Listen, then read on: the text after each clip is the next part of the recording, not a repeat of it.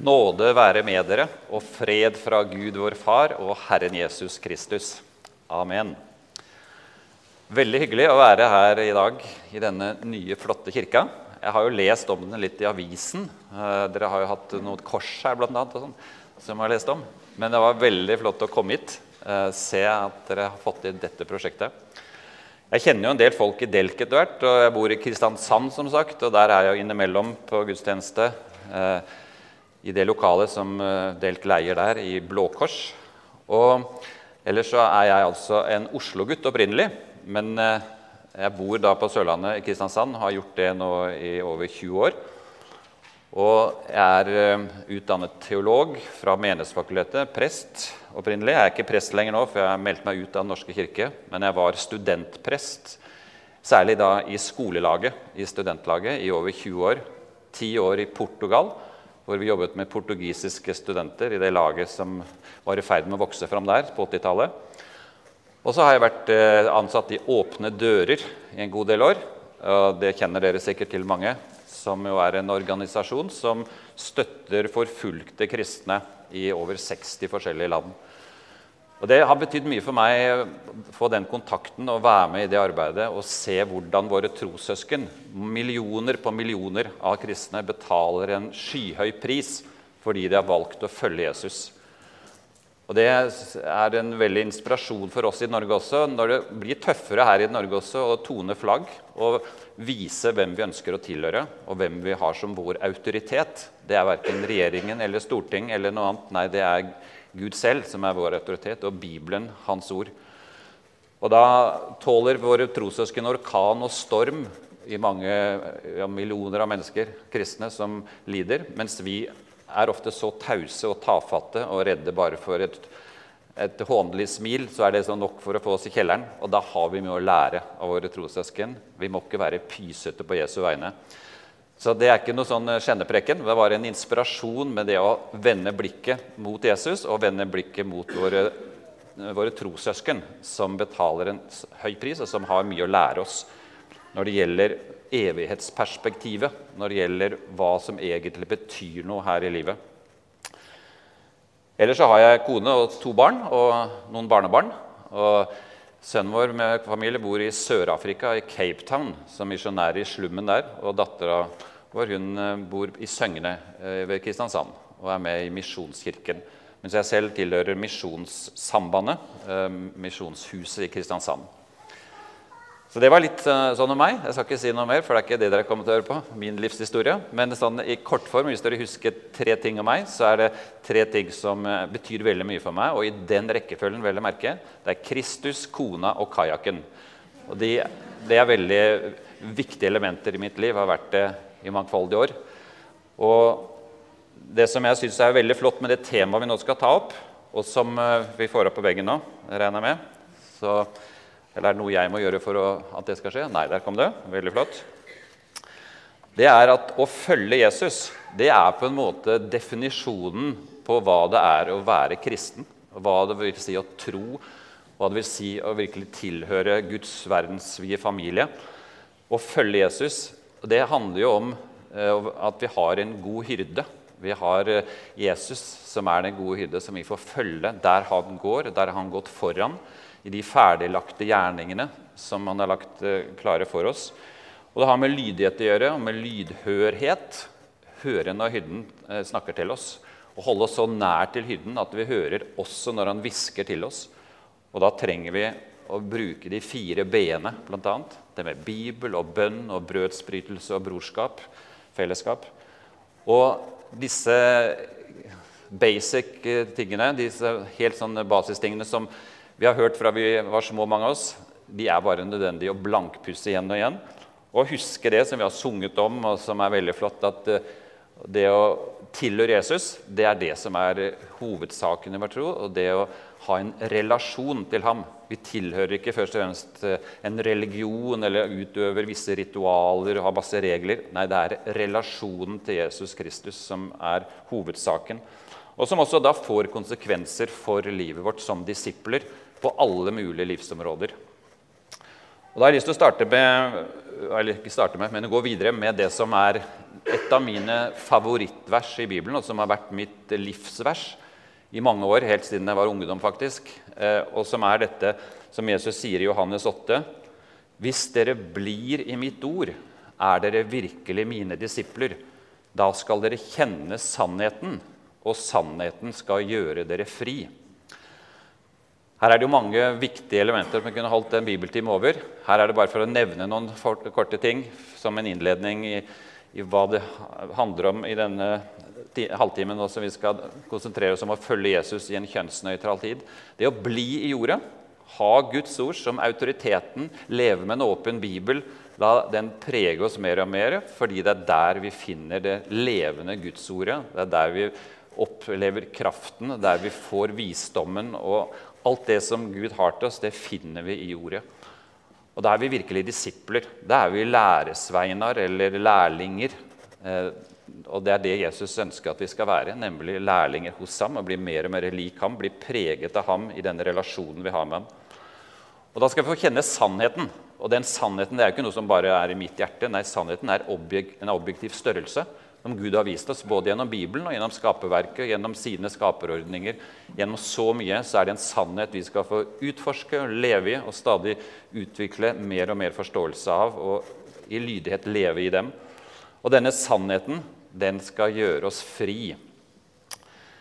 Og Det som jeg syns er et veldig flott aspekt ved det, at sannheten skal gjøre oss fri, det er jo noe som veldig mange ikke tror om oss kristne, nemlig at vi opplever en frihet i Kristus. Ja, men du er så bundet, du er, kan ikke gjøre som du vil, osv. Nei, altså, å leve i Kristus, det er jo nettopp det elementet vi er skapt til av Gud. Sånn som fisken er skapt for å leve i vannet. Den er ikke særlig fri når den kommer opp på land. Eller fuglen, som er eh, primært skapt til å være i lufta, til å fly. Hvis den blir satt i et bur, så er den ikke særlig fri. Eller bare må gå på bakken. Så sånne små bilder som det, som jeg syns er utrolig viktig å stadig minne seg selv på. At eh, det å leve i Kristus, det å være i den sannheten Han har gitt oss, det gir oss frihet. Det som er veldig tankevekkende, det er jo at hele postmodernismen, den åndsstrømningen som har preget Vesten de siste 30-40 årene, og som pride-bevegelsen og hele denne radikale kjønnsideologien også er en del av, det er jo at de, de snur ting på hodet. I stedet for å si at sannheten skal gjøre dere fri, så sier de nå, om ikke med de ordene, så er det det som er budskapet. Friheten skal gjøre dere sanne. De snur altså den siste setningen, at sannheten skal gjøre oss fri, til at det er friheten som skal gjøre dere sanne. Og det blir forkynt nå i skoler og barnehager og, og, i hele samfunnet at det er grenseløs frihet til å leve som du vil, finne ditt sanne jeg, bli den du er. Må jobbe for å finne ut hvem er jeg egentlig. Det er ingenting som binder deg. Det finnes ingen skranker og, inn, og begrensninger. Og det finnes egentlig ikke noen normer som du behøver å følge. Du må finne dine egne normer. En grenseløs frihet. Og det er jeg overbevist om personlig, og det tror jeg vi kommer til å se mer og mer av, det fører til anarki, kaos, masse psykiske problemer. For vi er ikke skapt til å leve med grenseløs frihet. Bare at egoismen og våre egne lyster og drifter, erfaringer og påvirkninger fra andre at det er det som skal styre livet vårt.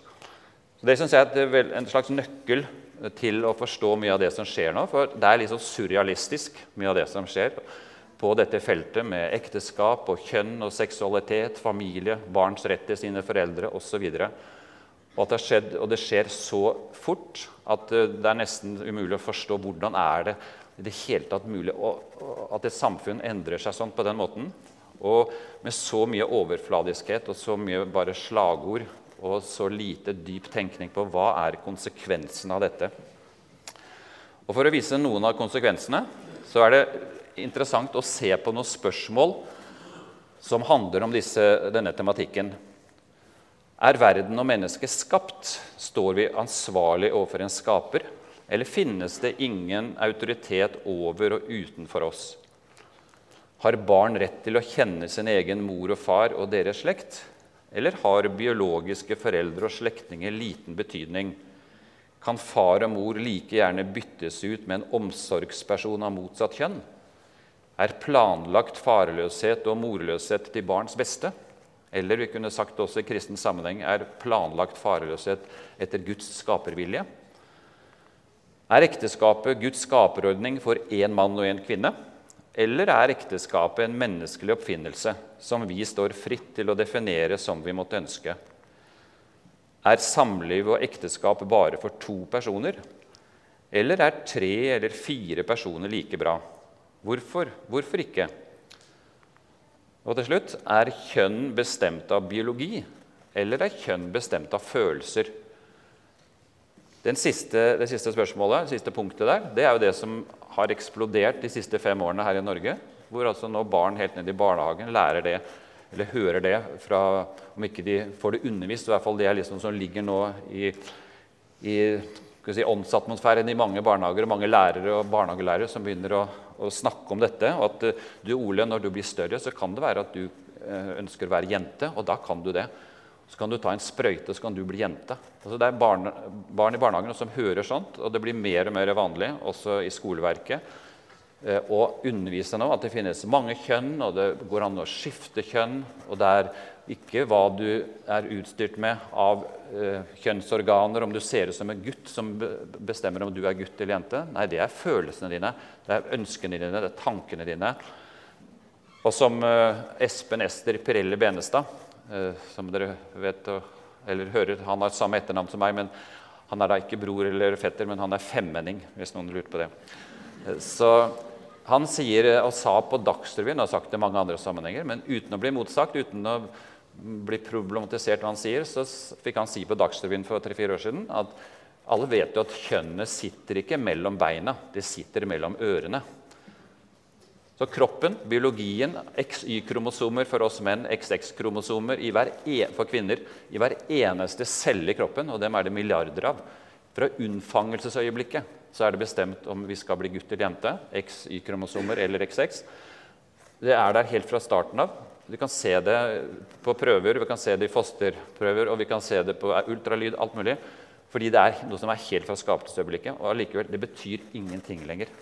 Nå er det sånn at uh, Nesten alle unge de mener at det finnes flere enn to kjønn. Fordi det har de lært ikke bare på skolen, eller altså ikke alle har lært det der heller. for det er ikke så inngrodd ennå i uh, undervisningssystemet, men det står nå i de nye lærebøkene på, fra flere forlag. Men i hvert fall, det er så mye nå i ungdomskulturen som påvirker at det er helt skremmende hva som den nye oppvoksende generasjonen nå blir påvirket av. Og så er det tragisk at de fleste menigheter i Norge og bedehus er helt tause på disse spørsmålene. Det snakkes nesten ikke om det, undervises svært lite om det. Derfor veldig flott at dere eh, arrangerer denne dagen. For jeg er her både til denne gudstjenesten, dette møtet, og også i kveld klokka seks, hvor vi skal ha en temakveld. Hvor jeg kommer til å gå eh, mer inn i detaljer og ha mer tid til rådighet. Vi skal se en liten film også om hva som skjer. og jeg skal i det hele tatt også ha, få anledning til å prate og at dere kan stille spørsmål. og Denne temakvelden håper jeg dere kommer til.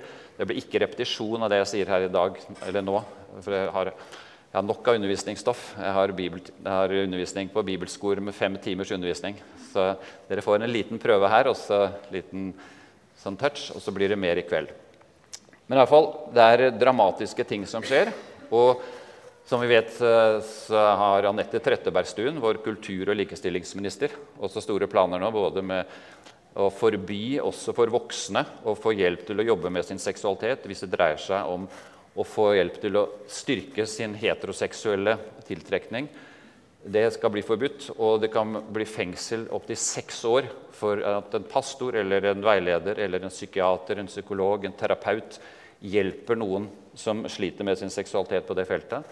Fordi eh, det er bare ikke det er ikke, det er ikke sunt. Det er alltid skadelig å snakke om disse tingene og få hjelp til det. Og Det skal vi ta opp litt mer i kveld, hva dette konverteringsterapi egentlig går ut på. Og hun har satt i gang en utredning nå om innføring av en tredje juridisk kjønnskategori. Vi skal altså få i passet sannsynligvis at du kan få en X istedenfor mann eller kvinne. Og det er flere sånne ting som er på trappene, og mye er jo allerede vedtatt også. Så her er det virkelig nødvendig for oss å vite hva vi vil, og vite hva vi står for, og hvorfor vi gjør det, kunne begrunne det. Og den utrustningen vi trenger da for å følge Jesus i en sånn tid som dette. Både for vår egen skyld, men også for våre barn og barnebarns skyld.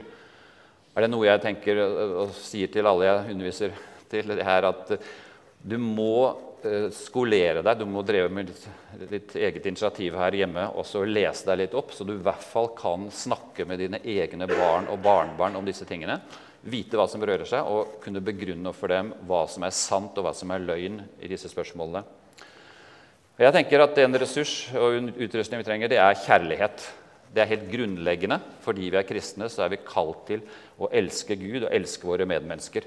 Også de som er våre meningsmotstandere og kanskje uvenner med oss. Noen vil kanskje kalle oss fiender. Jeg ønsker i hvert fall ikke å kalle noen andre fiender. når Vi kan være meningsmotstandere. Men kjærlighet, at det er det som er drivkraften. Vi vil det beste for mennesker, vi vil det beste for våre barn og barnebarn, ikke minst. Og så er det kallet til å følge Jesus uansett omkostninger. Følge ham opp på høydene, ned i dalene, ja, inn i dødsskyggens dal. Inn til og med, hvis det skulle bli nødvendig, i forfølgelse for Jesus skyld. Som jeg nevnte, millioner av våre trossøsken sannsynligvis nå opererer åpne dører med over 300 millioner kristne som blir grovt diskriminert, eh, marginalisert, regnes som annenklasses borgere osv. med alle de konsekvensene det har i mange forskjellige land. Det kallet til å følge Jesus det retter Jesus også til deg og meg. Kunnskap som gir frimodighet. Uten kunnskap så blir vi tause. Og det er det som eh, dessverre har skjedd og fortsetter å være tilfellet i store deler av kristenheten her i Norge. Og så er det kraften som vi får fra Gud, vi får det fra fellesskapet med hverandre. Og vi får det fra bønn og bønn og ordet og de fire b-er. Så jeg skal nå kort uh, gå gjennom de fire stikkordene som uh, er viktig i denne tematikken om å følge Jesus i en kjønnsnøytral tid. Det første det er altså kjærlighet. Og Det er jo noe av det som kjennetegner både Jesu eget liv og gjerning og hans død for oss. Vi snakker med god grunn mye om Guds kjærlighet til oss og om Jesu kjærlighet, og hvordan han også byr oss om å elske vår neste som oss selv. Og Jesus' store utfordring det er radikal og uventet kjærlighet, som han beskriver bl.a. i, i Bergprekenen. Der står det i Matteus 5.: Dere har hørt det sagt, sier Jesus, du skal elske din neste og hate din fiende. Men jeg sier dere, elsk deres fiender. Velsign dem som forbanner dere. Gjør godt mot dem som hater dere. Og be for dem som krenker dere og forfølger dere. Det er så radikalt at ingen av oss skjønner hvordan skal vi greie det. Og med god grunn, for dette er ikke menneskelig å leve på den måten. Og det er ikke sånn heller at du må dra det etter håret og si nå skal jeg virkelig bestemme for å elske andre mennesker på denne måten. Nei, det er en, tror jeg, en livslang prosess, og det har ikke med å ta seg sammen, men om å være sammen med Jesus. Utvikle relasjonen til ham, bli preget av ham mer og mer. Lære av hverandre, støtte hverandre, be for hverandre. Og være et fellesskap hvor ikke det bare er jeg og Gud, men det er vi og Gud. Det er vi sammen som er Jesu legeme. Og dette er jo noe av det mest radikale, eller det er det mest radikale som Jesus sier om etikk, om det kristne livet, om disippelskap, om det å følge ham. Det er nettopp dette å elske fiender, de som forbanner, som hater, som krenker oss og forfølger oss. Og Det er bare utrolig sterkt å møte da mennesker som har opplevd forferdelige ting, men som tilgir sine, eh, ja, sine overgripere i den forfulgte kirke. Og se hvordan tilgivelsen gir kraft og er et utrolig vitnesbyrd overfor de rundt. Men det er i hvert fall noe av utgangspunktet for oss når det gjelder kjærlighet. Det er å virkelig ta på alvor at vi har et radikalt bud som Jesus har kalt oss til å vokse stadig dypere inn i. Og så synes jeg Det er flott også det som Paulus skriver i en situasjon som er veldig lik vår, med mye forførelse og mye usannhet og nye, nye lærer som kom på banen. Han sier, Paulus i Efeserbrevet, vi skal ikke lenger være umyndige småbarn. Ikke la oss kaste hit og dit og drive omkring ved hvert eneste vindpust av ny lære. Men vi skal være tro mot sannheten i kjærlighet, og i ett og alt vokse opp til Ham som er hodet, Kristus. Tro mot sannheten i kjærlighet. Det er en nøkkel eh, til hele denne tematikken vi snakker om nå, og egentlig om hele kristenlivet. Det å følge Jesus, det er å stå fast på sannheten, virkelig festet eh, i grunnfjellet og være helt overbevist og ha gode begrunnelser og gode forklaringer på hvorfor er jeg kristen. Jo, det er ikke fordi det lønner seg eller fordi det er så godt og hyggelig. Nei, det er fordi det er sant. Det er sannhet som er nøkkelen på hvorfor vi er kristne. tenker jeg i hvert fall. Og det samme med kjærlighet. Det er tro mot sannheten, men i kjærlighet. Vi behøver ikke å verken forakte folk eller se ned på dem eller tro at vi er noe bedre enn noen andre. Nei, det gjør vi ikke hvis vi er disipler. Da vet vi at vi er i samme båt som alle andre. egentlig. Vi gjør den største synden hver eneste dag. Nemlig vi elsker ikke Gud av hele vårt hjerte, av hele vår sjel, av all vår kraft og av all vår forstand. Ingen av oss gjør det. og Da bryter vi det største budet hver eneste dag. Så vi er i samme båt, og det må vi hjelpe folk til å skjønne som tror om kristne, som tror om oss, at vi forakter dem, at vi ser ned på dem, at uh, vi er sånn uh, skinnhellige og hyklerske, egentlig. Og da må vi virkelig få klargjort det for dem, at nei, det er ikke sant. Gud elsker deg akkurat like høyt som han elsker meg. Så tro mot sannheten i kjærlighet. Og da er det også utrolig viktig å huske på noe som stadig blir framstilt eh, på en helt gal måte, nemlig at budene og kjærligheten kan ofte kollidere, og da må vi holde fast på kjærligheten. Men budene er jo gitt i kjærlighet. Eh, Gud har ikke gitt oss bud fordi han ønsker å gjøre livet surt for oss. Tvert imot, han ønsker jo det beste for oss. Og alle Guds bud er uttrykk for hans kjærlighet. Å lage en motsetning mellom kjærligheten og Guds bud er ubibelsk og uholdbart. Jesus sier f.eks.: Hvis dere holder mine bud, blir dere i min kjærlighet, slik jeg har holdt min fars bud og blir i hans kjærlighet. Eller i 1. Johannes brev kjennetegnet på at vi elsker Guds barn, er at vi elsker Gud og holder Hans bud. Å elske Gud er å holde Hans bud, og Hans bud er ikke tunge. Og Sånne sannheter er det virkelig nødvendig å repetere både for seg selv og for eh, folk rundt oss og for andre kristne at eh, Guds bud og Guds kjærlighet er ingen motsetning. Bare, de bare utfyller hverandre. Og så er det viktig at vi i møte med andre mennesker og folk som er dypt uenige med oss, også holder fast på dette med kjærlighet og sannhet, eller nåde og sannhet, som det står om i Johannes 1. Jesus kom med nåde og sannhet. Og et par vers tidligere står det ja, Jesus var full av nåde og sannhet. Så kjærlighet og sannhet, eller nåde og sannhet, er helt grunnleggende. Så Jesu kall til oss det er jo å vise nestekjærlighet overfor alle, også dem vi er dypt uenige med, og som kanskje fordømmer og forakter oss. Idealet det er å være tro mot sannheten i kjærlighet. Det handler om både kjærlighet og sannhet, bygge broer av kjærlighet og trekke grenser av sannhet. Bygge broer av nåde og kjærlighet, altså med tillit, respekt, med vennlighet. Jeg syns ordet vennlighet er et veldig flott ord for å konkretisere hva det vil si å elske sin neste. Det består av mye forskjellig, men det består også og det kanskje mest hverdagslige, nemlig å være vennlige mot alle. Sånn som Paulus sier i Filipperne 4,4.: La alle mennesker få merke at dere er vennlige. Herren er nær. Og Vennlighet er en del av åndens frukter i Galaterne 2. Eh, kjærlighet, glede, fred, overbærenhet, vennlighet, godhet osv. Så, så vennlighet er et uh, veldig viktig og godt ord også å prøve seg selv på. Stadig vekk er jeg vennlig når jeg snakker med folk som er dypt uenige med meg.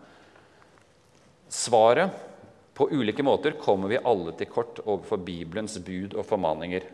Vi har ikke av den grunn frihet til å omskrive, oppløse eller slå av på Guds bud. Svaret for oss alle er evangeliet. Det er Guds tilgivelse og et fornyet sinn. Og Mange av oss vi trenger kanskje å ta et oppgjør. Vi trenger alle å jobbe med oss selv. Er vi, er jeg, preget av et hardt hjerte? Eller av menneskefrykt som gjør meg litt aggressiv eller kanskje taus? Er jeg preget av forakt eller ser ned på andre fordi de er uenige med meg, fordi de ikke tror på Jesus? Trenger vi å be noen om tilgivelse? Det å ha en selvransakelse også på dette punktet om hvordan lever jeg som disippel, og også på dette, denne tematikken som er høyaktuell, og som eh, vi er nødt til å ta stilling til og forholde oss til, om kjønn og seksualitet, familie, ekteskap og barn, så disse stikkordene de sier en del viktig om dette med å følge Jesus i en kjønnsnøytral tid. Så er det kallet. Hvilket kall har vi i denne sammenheng? Jeg syns det er et utrolig flott eh, vers som eh, ikke er så kjent. Jeg har aldri hørt noen forkynne over det, men det er kanskje litt fordi det står i avslutningen med en del hilsener og sånn, som Paulus skrev til Korintermenigheten i det første brevet sitt. I kapittel 16 i første Korinterbrev skriver Paulus.: Vær våkne, stå fast i troen, vær modige og sterke. La alt dere gjør, skje i kjærlighet. Være våkne, være obs på at nå skjer det ting i samfunnet som jeg er nødt til å forholde meg til. Jeg må, må skolere meg selv her for å skjønne og kunne hjelpe andre til å forholde seg til det på en god måte. Ikke bare tilpasse seg eller bli passiv og nedslått. Jeg må stå fast i troen, holde fast på de sannhetene jeg er dypt overbevist om, og ikke bare skjule dem eller legge dem sånn passive og nøytrale liksom i bakgrunnen. Nei, stå fast i troen og vær modige og sterke. Gå ut av komfortsonen, vær villig til å betale prisen når det er nødvendig, når vi er vennlige, når vi forsvarer det vi tror på, og gjerne gjør det med ja-budskap. Det det er ikke nødvendig å fortelle om alt vi er imot. Vi kan tvert imot speilvende og si vi er for. Vi sier ja til Guds skaperordninger. Jeg sier ja til Bibelen som min autoritet. Jeg sier ja til Jesus som min frelser og Herre, som er min, min øverste autoritet i alle spørsmål.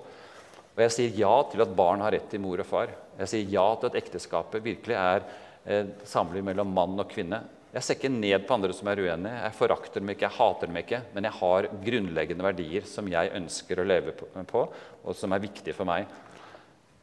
Og det å gjøre det både som enkeltmennesker, men også som fellesskap.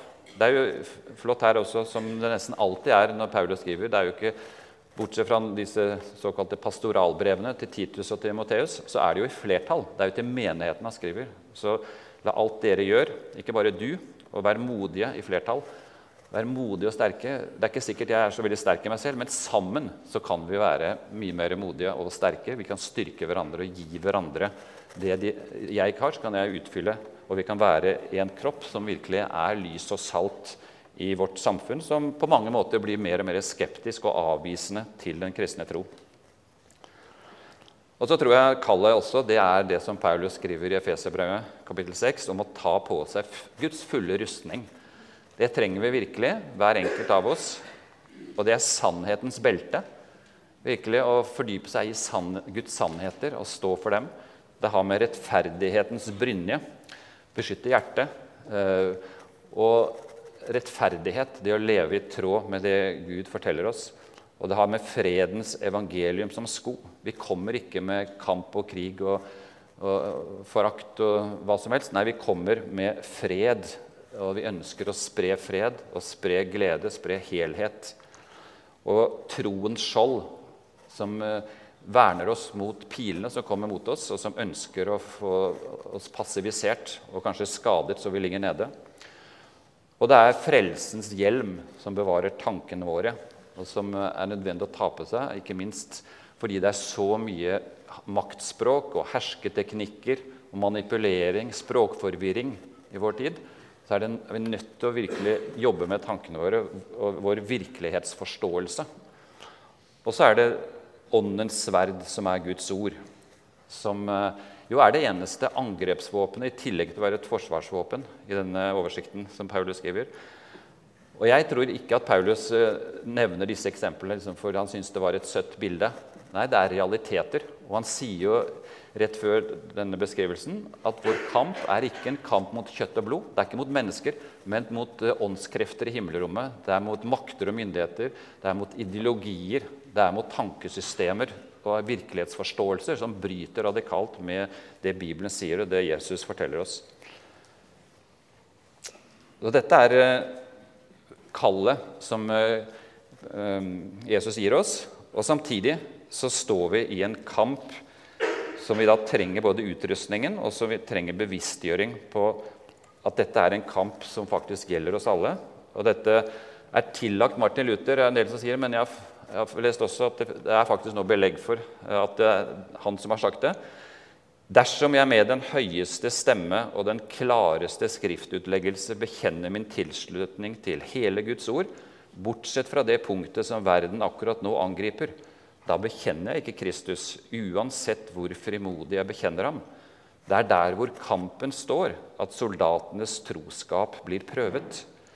Å stå stødig på alle de andre frontavsnittene betyr flukt og vanære hvis soldatene trekker seg tilbake på det avgjørende punktet. Dette er ganske ransakende og alvorlig. Eh, det er ikke noe bibelsitat, men allikevel så er det inneholder veldig viktige momenter som jeg tror ikke minst vi som foreldre og besteforeldre trenger å minne oss om stadig vekk. At vi må være oppdatert hvis vi skal ha noe håp om å kunne både bety noe og påvirke våre barn og barnebarn på sånne ting som nå gjennomsyrer barnehager, skoler og kommer til å gjøre det mer og mer, og hele samfunnet. Eh, jeg vet ikke om dere har fått med dere, men For nøyaktig to uker siden så lanserte Anette Trettebergstuen og hele regjeringen på en pressekonferanse en ny handlingsplan for kjønns- og seksualitetsmangfold i Norge. Og Den inneholder 49 tiltak som regjeringen nå ønsker å sette i verk over hele landet på alle nivåer, og hvorav 11 retter seg mot trossamfunn i Norge. Eh, for at vi skal bli omskolert til å å, godta denne nye forståelsen av kjønns- og seksualitetsmangfold. Så hvis ikke vi har skjønt at dette er alvor, så vil vi gjøre det nå i løpet av de neste månedene og neste årene. Og da er det så viktig tenker jeg, at vi i hvert fall må ha som mål å, å kunne bety noe og kunne snakke med våre barn og barnebarn. Vi behøver ikke å skrive i avisen eller gå offentlig ut med noe som helst, men i våre naturlige um, omgivelser og arenaer så kan vi bety en veldig stor forskjell, hver enkelt av oss. Og da er dette med kunnskap helt avgjørende. Og uten kunnskap så blir vi tause, vi blir usikre, vi blir redde. Vi syns dette er utrolig vanskelig, så vi tør ikke å ta det opp eller å snakke om det. Vi prøver alltid å få ting, samtalen inn på et annet tema hvis det kommer opp. Det er i hvert fall resultatet for veldig mange hvis de mangler kunnskap. Bibelen er jo veldig klar på at ekteskapet og seksualiteten og forskjellige ting med familien, alt sammen, det er koblet til Guds skaperordning for mann og kvinne. Et entydig budskap i skapelsesberetningen, de ti bud, Jesu liv og lære. Alle beretninger, eksempler, symboler, undervisning fra første Mosebok til siste kapittel i Johannes' åpenbaring er tydelig på at ekteskapet det er mann pluss kvinne. I Gamle testamentet så er Gud brudgom, Israel er brud men hun er ofte utro med fremmede elskere og avguder. I Nytestamentet er Kristus brudgommen, og menigheten er bruden. Både Det gamle og Det nye testamentet er konsekvent og samstemt i at ekteskapet er for mann og kvinne. Det finnes ikke ett eneste unntak. Men nå er vi kommet dit i Norge og i mange vestlige land. Eh, Norge er jo helt i front. Eh, ikke nødvendigvis først liksom på alle de forskjellige lovene som har kommet, men totalt sett så er vi blant de, jeg tror de første tre-fire landene i verden som er mest radikale nå på denne tematikken. Og der er det jo sånn at uh, i både Norge og andre land så blir du anklaget for å være direkte intolerant, og etter hvert kan vi til og med må betale en pris for å offentlig hevde at ekteskapet er for mann og kvinne. Det er bare én type ekteskap, og det er mann og kvinne. De fleste barn og ungdommer som vokser opp nå, de har jo ikke hørt noe annet. De tror at Mange, hvis ikke de har fått det forklart, de tror at ekteskapet alltid har vært for, for, to som elsker hverandre. Enten det er to menn eller to kvinner, eller er mann og kvinne. For det er 15 år siden nå at den nye ekteskapsloven, som ikke lenger er ny, men den som sier altså at eh, ekteskapet er kjønnsnøytralt, eh, den kan bestå av to personer av samme eller motsatt kjønn, 15 år siden, og de fleste barn og unge har jo ikke fått med seg det. hva som skjedde for 15 år siden. Så her er det god grunn til å snakke litt om de tingene. Og så er det jo interessant synes jeg, som en sånn saklig opplysning, at av FNs 193 medlemsland 193 land som er medlem i FN, så er det 163 land som holder fast på at ekteskapet er for mann og kvinne. Hele deres lovgivning eh, går ut på det, at ekteskapet er mann og kvinne. Og 30 land har endret eh, sin lovgivning, sånn som Norge er et av de 30 landene.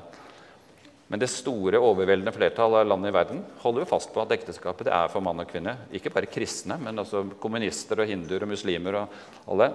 De vet det at ekteskapet det er altså, sånn biologisk betinget. for Det er der barn blir født. Mellom mann og kvinne. Så vi er kanskje ikke så i mindretall så mange får følelsen av i, i Norge i dag, selv om vi står for det, at ekteskapet er mann og kvinne.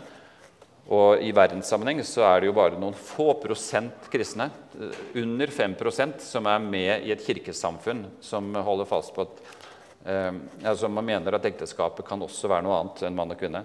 Så over 95% av kristne i verden tilhører, ek, tilhører eh, kirkesamfunn som mener at ekteskapet er for mann og kvinne. Så i Norge, med Den norske kirke som da det store, store unntaket, så er vi egentlig på den siden som eh, det overveldende flertallet i, av kristne verden er helt enig i. At ekteskap mellom mann og kvinne er Guds første og viktigste skaperordning når det gjelder mennesket. Så er det det å holde litt oversikt over hva ikke bare oversikt, men kunnskap om hva er egentlig denne kjønnsideologien som vi blir konfrontert med. Hva består den i? Og Da er det mye man kan si om det. Det er skrevet bøker om det. Men jeg skal bare gi dere noen få punkter som sier litt om hva vi står overfor når vi hører om eh, Foreningen FRI, eller mye av det som kommer fram i forskjellige både artikler og meninger, og som store deler nå av ledelsen i Den norske kirke står for, og som pride eh, eh Pride-arrangementer og hele pride-ideologiene og sånn LHBT-flagg osv. Hva de egentlig kommuniserer, hvis man virkelig går inn i materien, ikke bare hører slagord om 'elsk den du vil' og sånn. Men det eh, som Foreningen FRI for eksempel, er eksponent for, det er jo dette som denne ideologien går ut på, nemlig at alt er naturlig og normalt når det gjelder kjønn og seksualitet.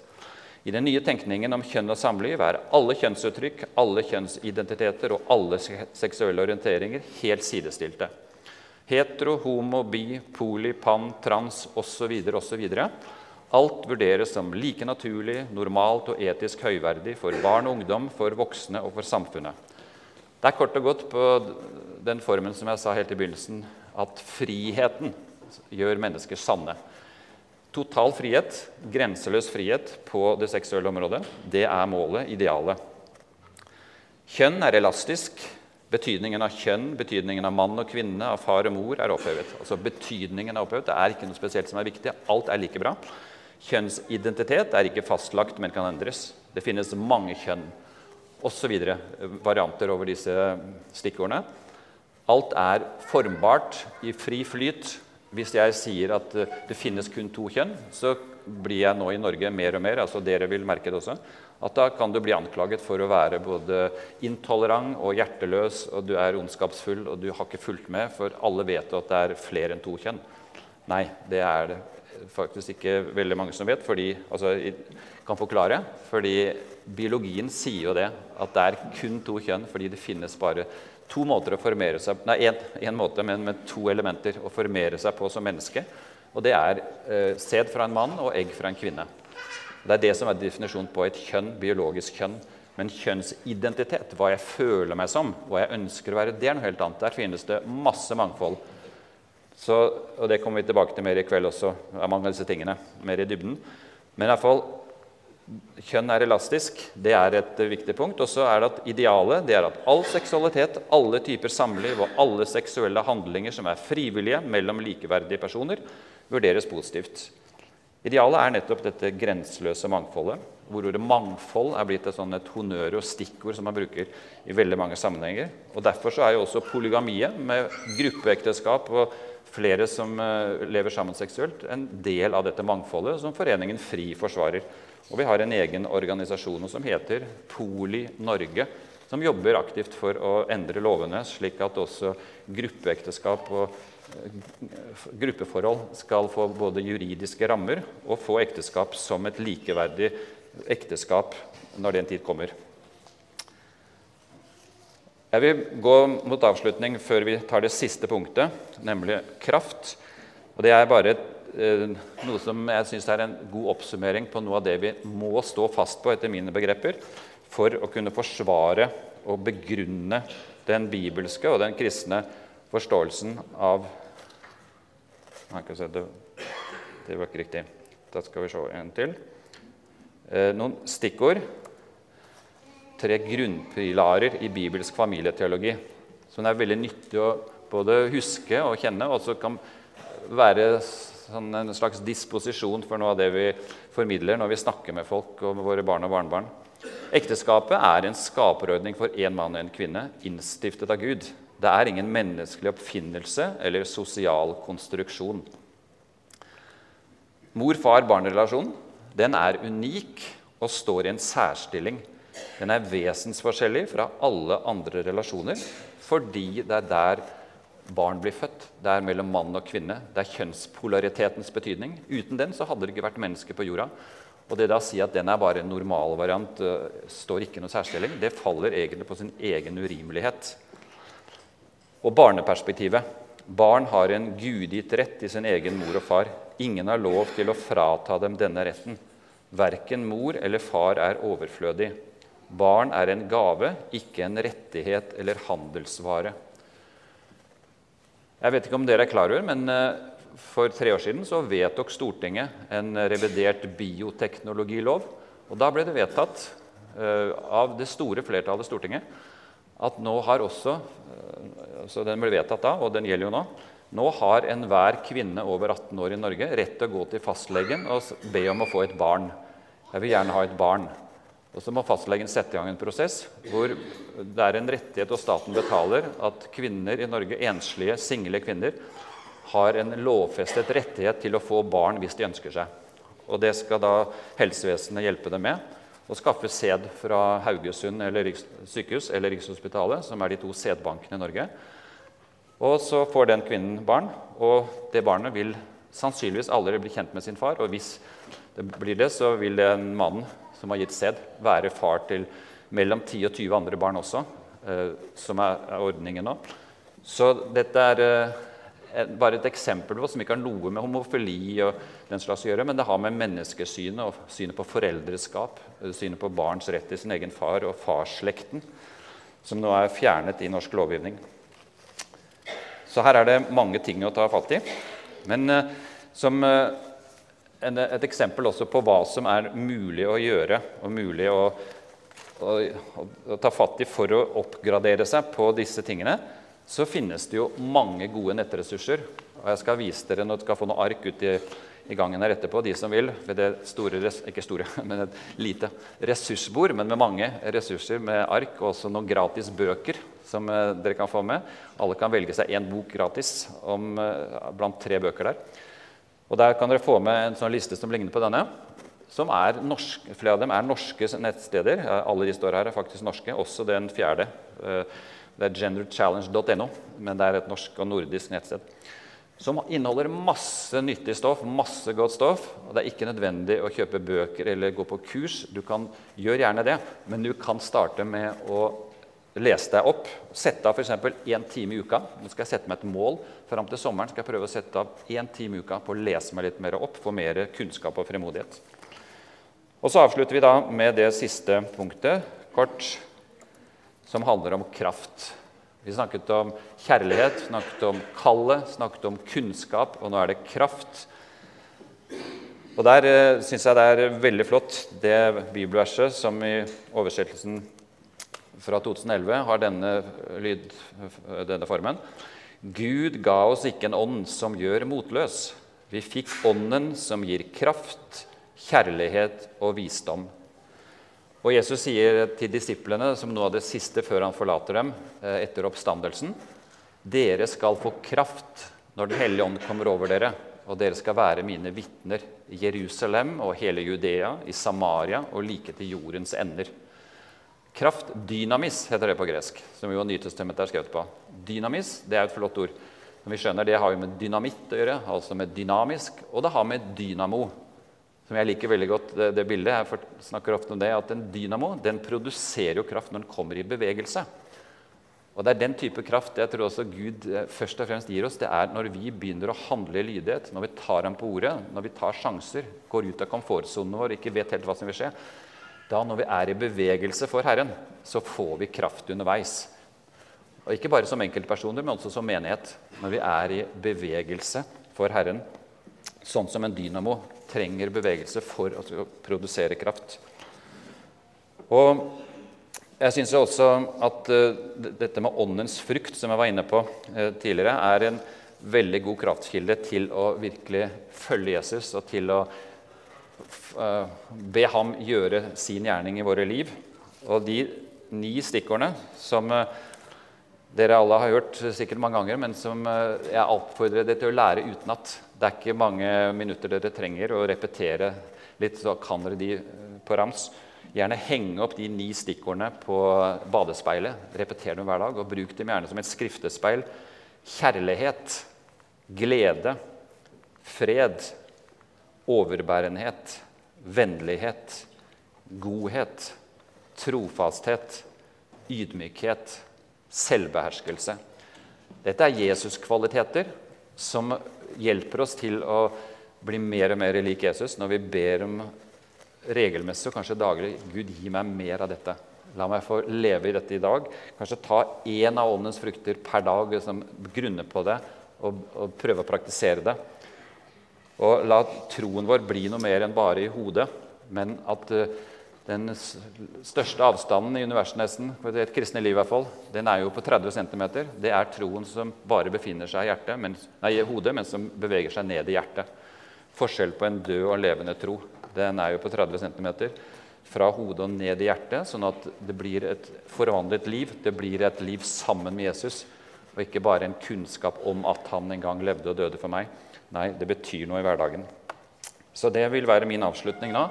Dette med å følge Jesus i en eh, kjønnsnøytral tid og ikke minst også følge Jesus uansett.